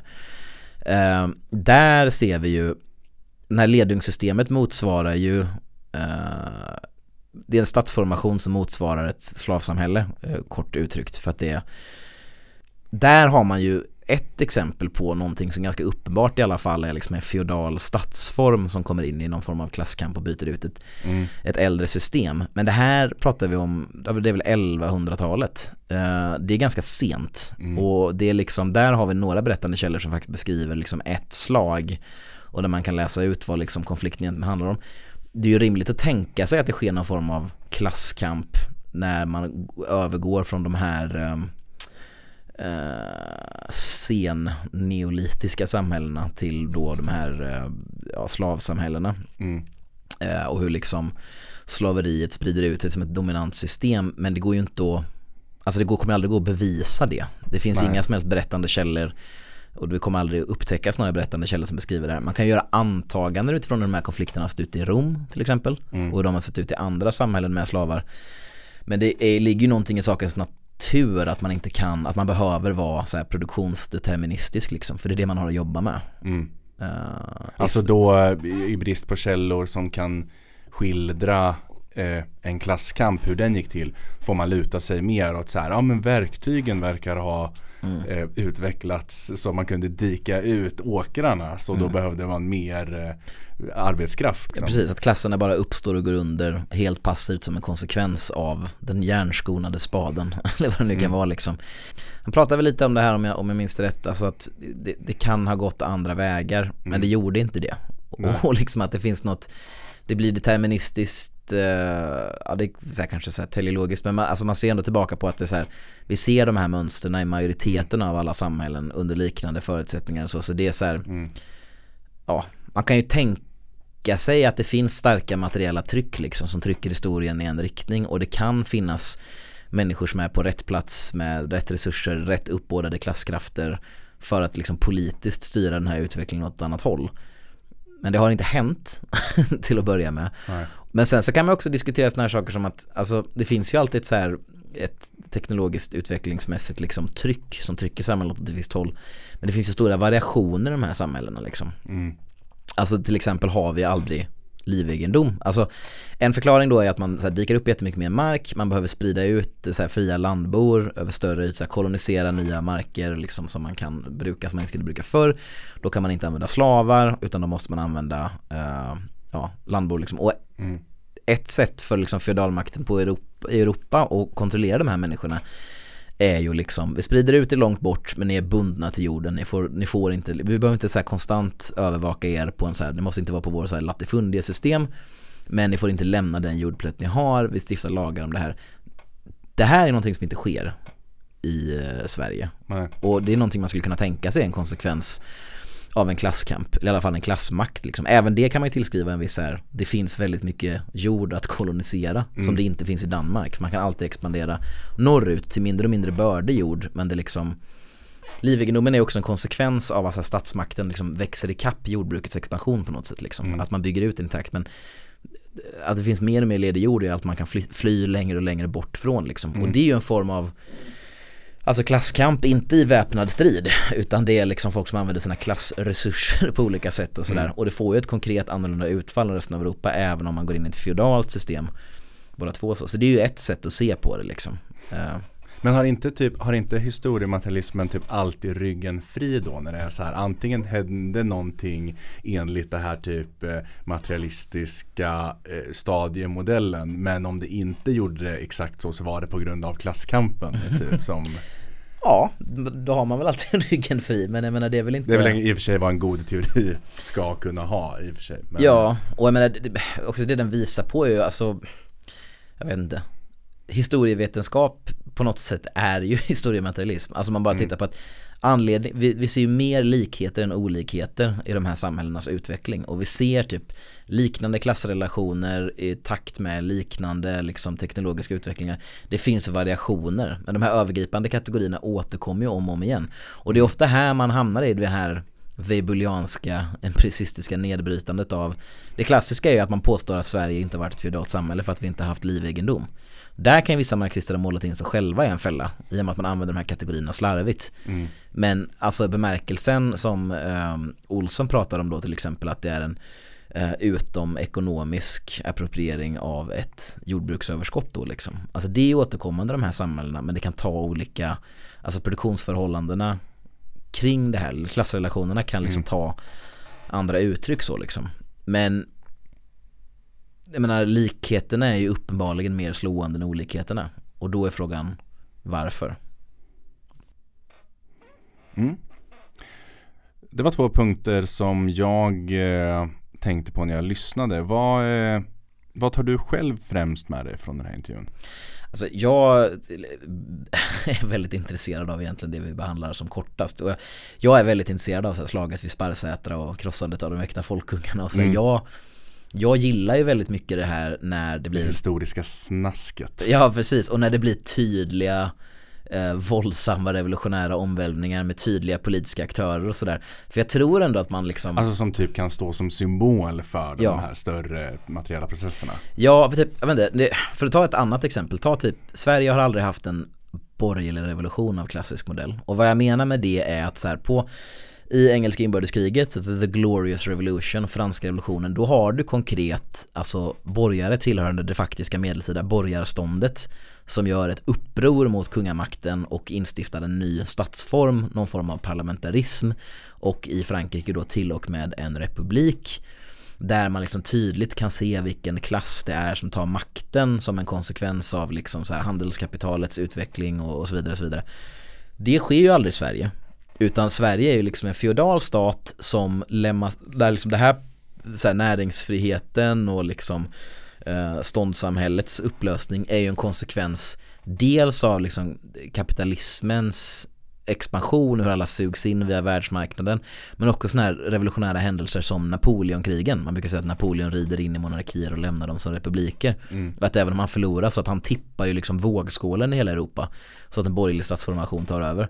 Och då är det intressant med så här slaget vid Sparrsätra för att där har du konkret och det är det här, det är typ som en revolution uppifrån. Mm. Att du har den här feodalklassen som lierar sig med de här, den här statsformationen som redan har blivit dominant på kontinenten. Om man liksom importerar revolutionen till Sverige på något sätt liksom. Genom att så här, med det här stödet utifrån från ett redan dominant system som inte finns i Sverige just då bygger upp liksom embryot för det och sen rider in och implementerar det här och slår ut det här gamla liksom ruttnande, försvagade eh, gamla statsformationen man har haft i Sverige. Och så är det ju så här, det är fräckt att tänka Birger Jarl är Robespierre fast på 1100-talet. Alltså det är ju det är bara tilltalande så, lite barnsligt kanske men det är tilltalande. Och det är också intressant det här vi pratar om med alltså den kristna ideologin. Mm. För att det där är dubbelt för att när kristendomen slår igenom i Rom så Alltså först når den väldigt mycket ut till, alltså rörelsen under Jesus typ, Kautsky skriver om det här till mm. exempel. Att rörelsen under Jesus är väldigt baserad på slavar och stadsplebejer och att det finns en ideologi om så universalism, att det inte finns så etniska eh, skikt som är viktiga, att man alla Guds son och det finns det här eh, revolutionära Guds himmelrike på jorden. Det finns den här mm. antislav dimensionen i det. Mm. Men sen i och med att kristendomen till skillnad från de andra judiska sekterna är mycket mer pragmatisk och börjar släppa in alltså ja, icke-judar då, romare och sådär och att man behöver vinna över liksom romerska eliter till sin sida så börjar man ju så kompromissa med det här mycket mer och mer så. Mm. Men det här fröet av Men det är ändå slavarnas eh, religion typ alltså... Det börjar ju som det mm. Det börjar ju med, alltså det har ett väldigt, eh, alltså proletärt och då menar jag alltså, då menar jag inte så här industriarbetare under Jesus tid utan då menar jag alltså så här egendomslösa arbetare som jobbar för pengar. Mm. Det finns liksom, det, de som utgör rörelsen under Jesus är ju proletärer och slavar i stor utsträckning. Men att kristendomen sen blir också en elitreligion på samma mm. gång liksom. Och då när missionärerna kommer till Norden det är ju intressant att fundera på om det finns den här eh, Alltså han talar om det att, att frige slavar beskrivs ju som en kristen dygd under den här tiden och det är någonting gör många sådana här stormän eller snarare också ofta storkvinnor så här, de reser en runsten som har så här, jag har byggt en bro och frigivit några slavar mm. Men slaveriet lever också kvar i Norden fram till typ 1400-talet tror jag väl att det avskaffas formellt 1300-talet, förlåt mig, mm. under ja. Magnus Eriksson. Ja, um, och jag menar, det tycker jag också är väldigt intressant tanke, den här, alltså det finns den här produktionsmedelsutveckling, den här objektiva, opersonliga kraften. Men det finns också politiska aktörer som typ man kan konkret peka på driver igenom ett nytt system. Mm. Och man kan också tala om i vilken mån finns det liksom en, alltså kristendomen är ju uppenbarligen det här nya systemets ideologi. Alltså de här kommer ju inte, de kommer ju samtidigt, alltså den feudala statsformationen och den kristna ideologin eller religionen. Och det kommer vi heller aldrig veta men man undrar lite hur mycket Birger Jarl kunde få liksom ett, eh, alltså ett stöd från de lägre klasserna. Alltså det, alla de här klasskamperna är alltid klassallianser på något sätt liksom. Mm. Och det är ju lätt att, här är det grovt spekulativt, jag vet inte om man har stöd för det, men det är lätt att tänka sig att liksom krafter som Birger Jarl under den här tiden mobiliserar eh, slavar mot det gamla slavsystemet liksom. Alltså mm. Alltså mot en statsformation som har eh, slav eh, slavjordbruk som liksom ekonomisk bas. Är det frigivna slavar kanske eller sådär också? Ja, att, precis att han mobiliserar frigivna slavar så Mm. liksom. För att det feodala systemet är ju, slavar fortsätter existera men man är inte alls lika beroende av slavar. Alltså slavar är det utdaterade systemet och sådär. Mm. Och man kanske kan kom, alltså förena det med i alla fall det här elementet av den kristna ideologin liksom. Och plötsligt här ser man ju verkligen ett, ett revolutionärt parti Ja, form liksom. Mm. Och det är väldigt, eh, ja det tycker jag är en väldigt så fascinerande och kittlande tanke inte minst. Men det är ju mer den, ja om detta kan vi inte veta, här får man vara lite babylon. Vi vet inte det här. Men det blir en ganska bra historieskrivning när man kan kombinera kanske lite det här eh, dramatiska, den eh, dramatiska historien med eh, att det liksom är representationer och symboler för de här eh, lite mer opersonliga krafterna, Ja. eh, klasskamp, eh, materiell Mm. Tryck eller eh, Precis. determinism till och med. Och det, det är också en bra alltså, nyansering av vad en revolution är egentligen. För att om du tar den franska revolutionen så är det så här eh, klasskrafter inom Frankrike bubblar underifrån upp. De gör revolution mot kungen och instiftaren. Det är väldigt så här revolution classico. Mm. Du har också den här som jag pratade om, den svenska borgerliga revolutionen. Hur man i princip bara liksom, det trycks på från Napoleonkrigen och liksom Mm. bara kapitalets logik liksom. Att tills det blir typ ett beslut bara i Precis, ståndsriksdagen att för att- omformera Ja, systemet. revolutionen har redan skett utifrån de Mm. betydelsefulla längderna och det- man bara liksom trycks ner av revolutionens kraft snarare liksom. Och sen då hur du har det här med Birger liksom att revolutionen har skett utomlands, man liksom importerar om man kan läsa in det här då, men man importerar ett revolutionärt projekt liksom på något sätt och gör revolutionen i någon mån uppifrån. Alltså det, jag tycker att det är en ganska allt det här tycker jag är godtagbart som att tala med revolutionen i marxistisk bemärkelse men det går ju emot den klassiska uppfattningen om revolution som liksom ett folkligt spontant uppror underifrån liksom som så här.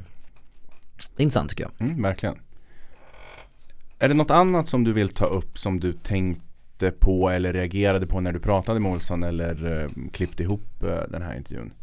Det har väl sagts lite men jag tycker ändå att det är också intressant det här med att det har funnits en ambition om att det, det är också typ en pedagogisk tanke att det finns två fiender, två fronter, kanske inte fiender men det finns den gamla svensk historievetenskaplig historia så att säga. Så finns det den gamla nationalromantiken och det finns den empiricistiska weibulianismen liksom. Och det är intressant att placera marxismen som en hälsosam mellanposition här liksom att det är så här vi behöver övergripande metanarrativ, teoretiska förklaringar men som inte bara är så här nonsens och vi behöver också en empirisk prövning av allt det här och det är ju ofta marxismens utmaning. Alltså Mm. det kan slå över till dogmatism och att man bestämmer ett färdigt schema eh, som är gällande som liksom inte behöver prövas men det kan också alltså, böja sig för den kritiken så mycket så att man får såna här postmarxistiska grovt liksom subjektiva ingångar till de här frågorna. Eh, och jag kan uppskatta lite hans balanserade inställning till det här och det är någonting som, ja det fick mig att tänka lite grann. Mm, för man, jag tänker att eh, marxismen även kan placeras in, eller historiematerialismen som eh, någon slags pos- mellanposition mellan det här eh, rent eh, empiristiska, eh, nästan naturvetenskapliga, weibulianska och den här eh, poststrukturella eller postmoderna totala nedbrytningen av Mm. all kunskap, all empirisk vetenskap. Ja, alltså idag är det väl extremt dominant med sådana perspektiv Mm. så det är väldigt, väldigt uppfriskande att läsa en sån här text eh, i dessa tider. Då vill jag tacka dig Anders för att du förberedde och träffade Olsson och gjorde allt eh, arbete egentligen.